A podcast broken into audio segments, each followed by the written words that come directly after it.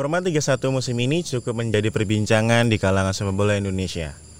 Nah, kita akan membahas ini dari sisi fisioterapi bersama tamu saya, Lutfi Nanda, dan saya Panji Rangi. Selamat datang di PSS Podcast.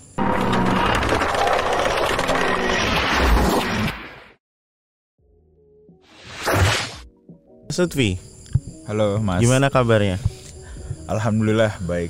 Baik ya. Ya. Walaupun kayaknya cukup sibuk, cukup padat karena PSS latihan pagi sore pagi sore. cukup ini nggak sih uh, hectic gitu nggak? Eh, kalau hectic enggak sih. Mhm. Cuma ini hal yang normal kalau kita lagi jalanin preseason gitu. Apalagi ya kita ketahui bersama PSS di musim ini nggak main-main ya. Ya. Kita serius natap liga ini kayak gitu. Kemarin udah kita kasih unjuk sedikit kejutan mungkin bisa dibilang kejutan ke mungkin halayak sepak bola Indonesia bahwa PSS nggak main-main di tahun ini kayak gitu. Asik. Kayak gitu. Memberikan kejutan, tentu saja kejutannya di Piala Menpora yang ya siapa yang mengira ya, PSS dari pertandingan pertama di babak grup eh, cukup bisa dibilang eh, terlihat ada kesulitan di sana. Mungkin chemistry juga belum ter- terlalu terbangun gitu. Cuma pada endingnya aku bisa bilang eh, happy ending sih buat kita eh, walaupun baru di posisi tiga gitu ya. Cuma untuk kita ngomongin preseason itu bagus banget gitu.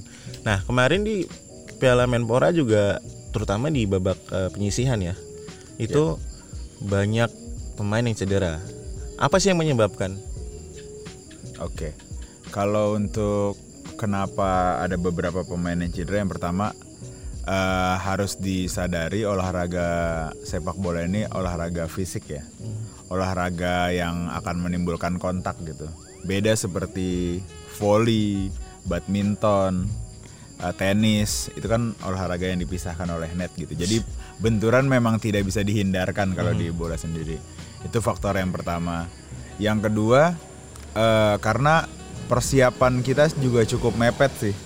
ya Karena kabar pia- ya ya kabar Piala Menpora itu dadakan, dadakannya dadakan banget. Terus kita dikumpulkan Tahu dan kalau yang lain mungkin tim-tim lain sempat eh, datang kembali dan berkumpul kembali di eh, daerah masing-masing, kita langsung eh, pergi ke Iya. Bandung, kumpul di Bandung, eh, karantina di sana sampai akhirnya kita bisa eh, memulai latihan perdana itu cukup lika-likunya serba dadakan sih waktu itu kayak gitu. Jadi eh, kalau saya nggak salah kurang lebih 10 hari waktu ideal kita Mhm.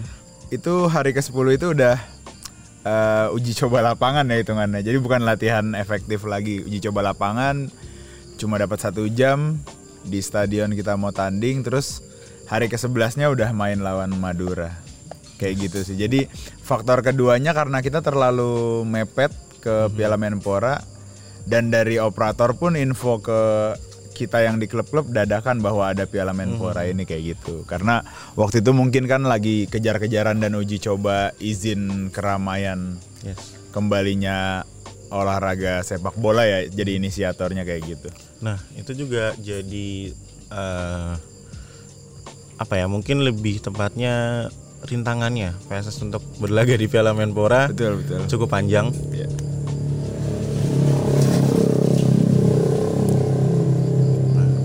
Tapi berhasil eh, berhasil menjadi juara tiga gitu ya di Piala Menpora.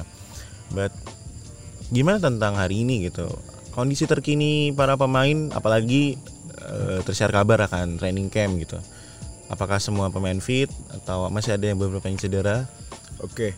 Eh, kalau untuk kondisi per hari ini tadi terakhir kita latihan hari ini dua kali sehari. Eh, gym pagi sama eh, sorenya itu kita latihan di lapangan kayak gitu. Untuk kondisi terakhir sih nggak ada pemain yang cedera dan harus menepi kayak gitu. Cuma kalau ada keluhan-keluhan kecil itu wajar karena emang kita lagi grafiknya lagi naik terus. Eh, training loadingnya kita emang lagi tinggi tingginya kayak gitu. Sebelum nanti kita memasuki in season baru turun pelan pelan load eh, dari latihannya kita. Jadi ini emang kalau Sleman fans mungkin lihat dari cuplikan-cuplikan latihan dan sebagainya, ini memang minggu-minggu terberatnya pemain kayak gitu. Di minggu ini biasanya eh, muntah dan sebagainya itu jadi makanan sehari-hari kayak gitu. Sampai muntah-muntah, Bray. Tapi eh, cukup padat ya karena eh, kegiatan cukup padat. Cukup padat. Eh, pagi sore dengan berbagai menu latihan tentunya. Nah, ngomongin soal eh, latihan gitu. Beberapa kali latihan aku pribadi sama teman-teman PSS Podcast sempat ngelihat ada beberapa pemain yang latihan terpisah atau latihan sendiri gitu. Oke. Itu kan ada Maslak, ada Mila, ada Fandri juga. Eh, gimana up to date tentang tiga pemain ini? Oke. Eh, kalau Mila kemarin ada kendala sedikit. Terus kalau untuk Mario Di Mas bagian apa kaki atau Oh enggak, ini di luar kondisi cedera Oh, oke, kalau oke. Mila. Kalau Mila di luar kondisi cedera ada kendala sedikit yang membuat dia harus uh, terlambat bergabung bersama tim kayak gitu. Tapi itu sudah di uh, Tangani. sudah memang dikomunikasikan dengan uh, coaching staff seperti itu. Lalu untuk Mario Maslak dan Vandri sendiri kalau Vandri sebenarnya ikut ya di awal kita kumpul Iya. ikut terus uh, masuk minggu kedua kalau nggak salah ada problem di uh, Jayapura. Keluarganya ada sedikit masalah jadi dia izin buat nyelesain itu. Lagi pula kalau coach Dejan bilang kalau mau ada urusan mending sekarang dibanding nanti in season nanti kayak gitu. Karena kalau pre-season kita bisa kejar kalau in season nanti repot kayak Yes, gitu. yes. untuk pengembalian kondisi dan sebagainya macam begitu juga dengan Mario kebetulan istrinya lagi pregnant ya. Jadi dia mungkin mau lihat dan kontrol sebagainya. Jadi lebih ke masalah-masalah internal ya. ya lah. Masalah-masalah keluarga kayak gitu. Jadi dan dengan ACC coaching staff dan head coach tentunya ya mereka menyelesaikannya masing-masing dan baru bergabung. Untuk kenapa mereka dilakukan berbeda dengan pemain-pemain yang lain tentu eh, kita perlu nyamain titik nolnya pemain-pemain semua entah itu lokal maupun asing kalau misalnya mereka langsung bergabung dengan pemain-pemain yang berlatih secara konsisten dari day one sampai ini masuk ke minggu ketiga, resiko cederanya akan besar kayak gitu. Jadi perlu titik nol yang bareng-bareng baru mereka ningkat kayak gitu. Setidaknya mereka bisa sampai di angka 80 dan 85 persen anak-anak yang konsisten latihan selama tiga minggu ini baru mereka bisa bergabung kayak gitu. Jadi itu sih proses yang mereka lalui sebenarnya. Oke. Jadi ini bisa dibilang juga sebagai hmm, mencegah tiga pemain ini untuk mendapatkan cedera di in season kan sebenarnya. Betul betul. Ini antisipasi kita sih salah Hmm. satu prevention injury kita buat ngelindungin pemain-pemain sebenarnya eh, dibanding mengobati nantinya kita jadi mencegah itu dulu kayak gitu. Jadi kalau biasanya eh, pemain-pemain yang baru datang langsung bisa bergabung, kita punya sistem yang eh, buat pengembalian kondisi dulu. Nanti kalau mereka dari berdasarkan hasil tes dan evaluasi kita sudah mencapai 80 sampai 85% dari kondisi anak-anak lain yang stabil latihan konsisten, baru mereka bisa dikembalikan gabung ke tim lagi. Oke, jadi seperti itu Sleman fans. Jadi jangan khawatir ya dengan para pemain karena coaching staff udah mempersiapkan program yang sesuai dan tepat untuk para pemain. Dan semoga tidak seperti Piala Menpora kemarin karena banyak pemain yang cedera dan di in season jadi semua lancar gitu. Nah, ngomongin in season nih. Em, dengan format liga yang baru lah gitu. Gimana ini dari pandangan seorang Mas Lutfi? Eh, jadi pengalaman menarik sih buat kita terutama yang terlibat di sepak bola nasional Eh, di level klub profesional mungkin ini pengalaman pertama juga buat semuanya bahkan legend-legend yang udah selesai main bola pun mungkin tanda tanya di pikiran bakal seperti apa liga ini berjalan kayak gitu karena yang saya dengar format kompetisinya tetap penuh 18 tim berarti kita main 34 Yes, 34 pertandingan pertandingan. full seasonnya tapi dengan sistem bubble mungkin kalau teman-teman yang ngikutin eh, IBL Yes. atau futsal pro ya kurang lebih akan seperti, Seperti itu. itu. cuma kita pertandingannya lebih banyak gitu Jadi kalau bisa dipetakan mungkin setiap 3 sampai 4 hari kita bakal main. Kalau dengan format seperti ini. Jadi ya biasanya seminggu sekali jadi mungkin ini bisa seminggu dua kali. Uh, untuk pertandingannya seperti itu. Lalu dengan format uh, bubble to bubble ini yang menariknya adalah ada sistem break. Mhm. Jadi Dua setelah ya? Oh, salah. ya biasanya kita pre-season terus in season selama 10 bulan sampai finish season biasanya di uh, first round ke second round paling break 2 3 hari tapi itu bukan libur ya. Cuma break peralihan ke second round. Tapi ini yang menariknya adalah series pertama. Nanti mungkin bakal break 2 sampai 3 minggu atau mungkin bahkan 4 minggu. Baru kita pindah lagi ke series kedua dengan tuan rumah yang berbeda lagi. Lalu kita pindah lagi ke series ketiga dengan tuan rumah yang berbeda lagi. Yang jadi tantangannya sih on off itu sih karena kita udah pre season udah tinggi masuk ke in season lalu nanti ada break lagi istirahat lagi lalu kita uh, bakal in season lagi dan seterusnya seperti itu. Kayak gitu. Itu yang mungkin uh, bakal jadi challenge ke kami terutama medical staff bagaimana caranya membuat anak-anak tetap dalam kondisi fit baik itu secara kesehatan maupun secara fisik dan PR juga buat coaching staff bagaimana memanajemen uh, training loadingnya. Karena ini kan uh, biasanya kita nanjak terus turun menuju in season. Tapi ini kita nanjak turun bisa kayak semi preseason lagi setiap mungkin jadi ada sekitar 3 4 kali mini preseason di musim kali ini. Itu sih sebenarnya uh, yang unik dari liga musim ini. Yang kita bayangkan gitu. Nah, ini kalau buat dirimu bik- ketika bikin program gitu kelabakan nggak sih dengan format baru ini? Atau justru sebenarnya eh, ini banyak plusnya sebenarnya? Eh, kalau kelabakan sih enggak kita jadi bisa mungkin referensinya dari klub-klub basket atau klub-klub futsal kayak gitu mensikapi sistem seperti ini. Cuma yang agak berbeda karena kita seasonnya lama ya nggak kayak futsal sama basket kan sebentar kayak gitu.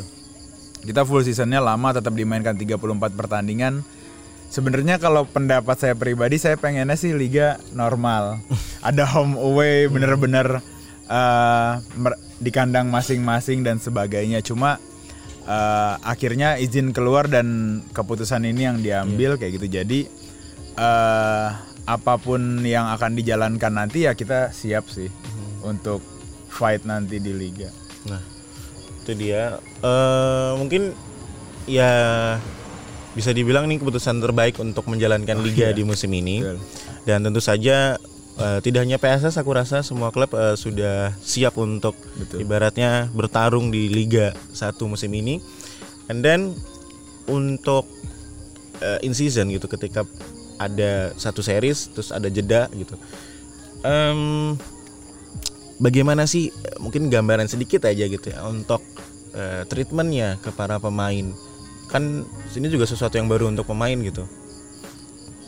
Oke, Eh, jadi lebih ke kalau ke pemain kita lebih ke sosialisasi sih bakal seperti apa jalannya liga musim ini. Sambil kita nunggu eh, jadwal resmi dan format resmi dari PSSI tentunya. Karena itu yang paling penting kita butuhkan sekarang.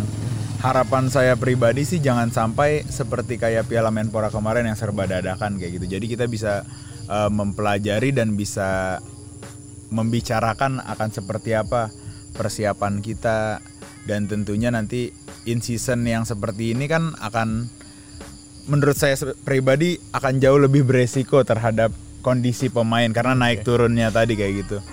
Eh, kita akan bisa latihan berat lalu nggak ada latihan sama sekali break dan sebagainya lalu kita kembali lagi kayak gitu. Jadi eh, ibaratnya seperti ada mungkin 6 sampai 12 Piala Menpora kurang lebih kayak gitu bayangannya. Di di format season se- full seperti ini. tapi em, menurut Mas Lutfi lebih ber, eh, sorry lebih mudah capek mana nih pemain ketika menghadapi formatnya seperti musim-musim lalu atau musim ini justru? Ya sebenarnya jelas lebih berat di musim ini sih sebenarnya. Karena ya itu tadi sistem on off tadi itu yang harus kita antisipasi sih sebenarnya. Yang saya contohkan lagi yang lebih beratnya karena tahun lalu pemain-pemain bener-bener vakum total. Di liga-liga sebelumnya paling lama dua bulan break season mulai lagi tiga bulan break season mulai lagi. Tapi tahun 2020 itu sungguh luar biasa efek dari pandemi. Itu bener-bener sebagai atlet profesional mungkin mereka tersiksa secara batin ya kayak gitu. Hampir full season nggak bisa melakukan aktivitasnya dengan normal kayak gitu. Itu pas Piala Menpora kemarin berpengaruh banget sih ke kondisi anak-anak sebenarnya kayak gitu. Jadi eh, kalau kemarin banyak yang mungkin kurang puas atau bertanya-tanya dengan kondisi persepak bolaan kita ya itulah karena efek jangka panjang dari pandemi yang kita ya kita semua lah kehilangan hegemoni sepak bola nasional di tahun 2020 kayak gitu dan alhamdulillahnya Piala Menpora kemarin sukses dilaksanakan dan semoga Liga 1 yang dengan sistem format baru bubble to bubble ini bisa jadi win-win solution buat semuanya. Bisa tetap menjalankan kompetisi sepak bola nasional tanpa menghilangkan esensi dari sepak bola itu sendiri kayak gitu. Nah, seperti itu Sleman fans. Jadi eh, bisa dibilang dari fisioterapi sendiri udah prepare, well prepare ya Ya. untuk menghadapi musim 2021 ini. Terakhir nih eh, soal TC besok apa yang akan dipersiapkan? Oke.